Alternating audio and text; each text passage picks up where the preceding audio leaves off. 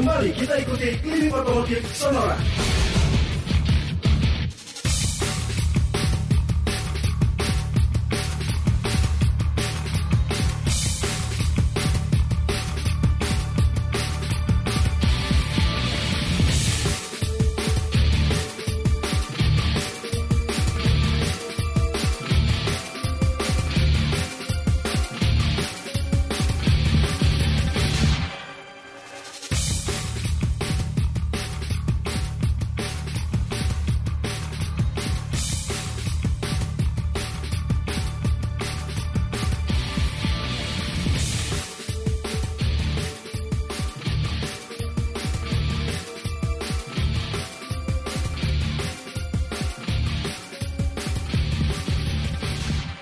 Uh, mau bahas apa pagi ini. Yang penting kita semua sehat lah. Betul, harapan kita semua sehat nih yang paling penting Hmm. sehat Pak ya. Agar Hmm. kita bisa berkegiatan dengan lebih baik pastinya.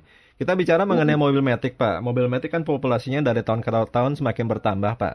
Cuma Hmm. selain dengan bertambahnya populasi, eh, pengetahuan dan wawasan orang mengenai mobil metik mungkin masih belum begitu baik Pak Bimbing. Khususnya ketika mengendari di jalan-jalan yang tidak biasa Pak. Katakanlah ketika jalan menanjak, ketika jalan menanjak terus macet, ini harus uh, apa yang mereka lakukan Pak Bibin biar tidak slip mobilnya.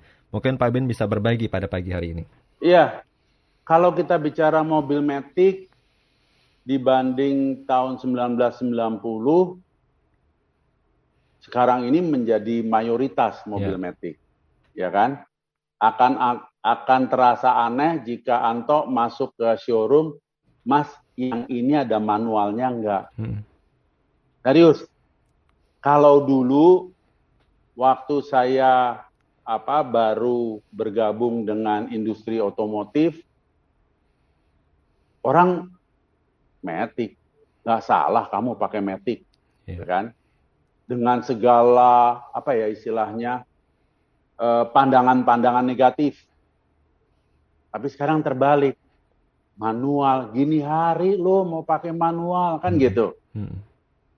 itu tidak hanya di roda 4, di roda 2 juga saya masih ingat sekali bahwa ketika awal-awalnya masuk motor metik diketawain, ya kayak cewek lu ah, Hmm.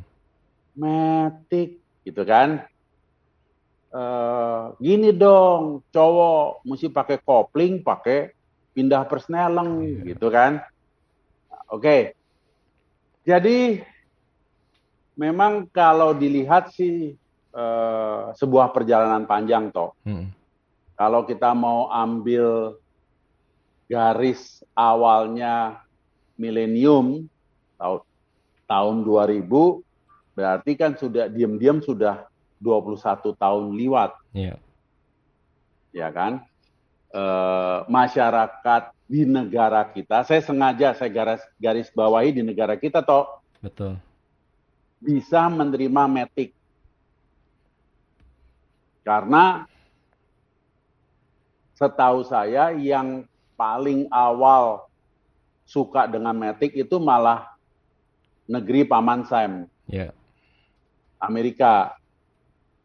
Tahun 50-an aja metiknya sudah pencet tombol. Keren nggak tuh toh? Ya. D-nya pencet, bukan tuas dipindah-pindah. D-nya pencet.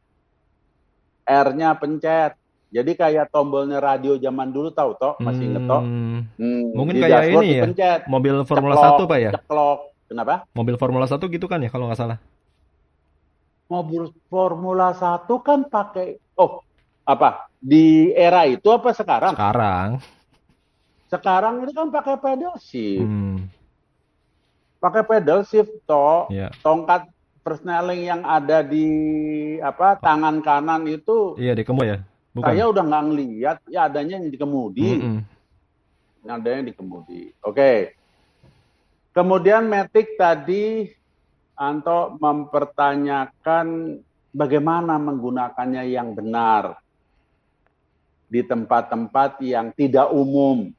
Karena kita bilang tidak umum, kita sebagai warga sebuah kota tentunya beda dengan mereka yang tinggalnya di daerah perbukitan. Saya ambil contoh kota Balikpapan Hmm. yang minggu lalu kita bahas. Iya, Itu perbukitan tuh toh. betul. Yang pakai matic ya mesti pinter-pinter mengendalikan Mm-mm. eh, apa personalingnya gitu. Mm. Beda dengan kita yang di Jakarta, Iya, di Semarang, di Surabaya, Hmm, Malang ah, adalah tanjakan. Tapi kan ya mungkin tidak setiap orang setiap hari mesti ke Batu di Hmm. Malang sana gitu ya. betul. Apalagi kota-kota kecil seperti Klaten, Jogja, Solo. Udahlah datar lah, Mm-mm. Berangkat pakai D selesai gitu. Mm. Cuma di jalan datar pun toh saya ingin garis bawahi masih ada juga. Saya merhatiin kemarin kebetulan saya ke showroom mobil bekas. Eh, dua hari yang lalu ke Wah. showroom mobil bekas. Ada yang mau dibeli, Pak? Ada yang diminati, Oke. tapi waduh kondisinya nggak bagus toh. Nanti Hmm. kita cerita mobil bekas. Ya. Bisa habis metik kita bisa Padahal showroom, Yang ya. saya menarik gini toh. Hmm. Ini kan ada petugas yang kerjanya ngelapin mobil, terus mobil setelah bersih dipindahin, tuker yang mana yang mau dicuci gitu kan. Betul. Mundur aja itu bisa ngek, Oh. Ngek. ngek gitu. Kayak kayak melangkah setapak, setapak, setapak gitu toh. Hmm. Tanpa perlu saya melihat, saya udah tahu ini kaki kiri ada di rem. Oke. Ngerti toh? Hmm. Jadi kaki kiri sama kaki kanan kayak orang main piano, Hmm. main organ. Iya. Habis digas mungkin dia takut kekencengan mundurnya direm.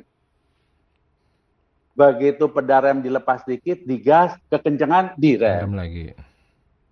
Lah, ini yang ingin saya garis bawahi. Kalau pakai metik, tolong kaki kiri diistirahatkan. Iya. jangan tenaga mesin melalui transmisi diadu dengan tenaga rem. Betul. Karena ini ngomong cerita aja ya, toh. Hmm. Saya ada, saya tahu ada orang yang dekat sekali dengan saya. Nggak usah saya sebut itu keluarga atau teman.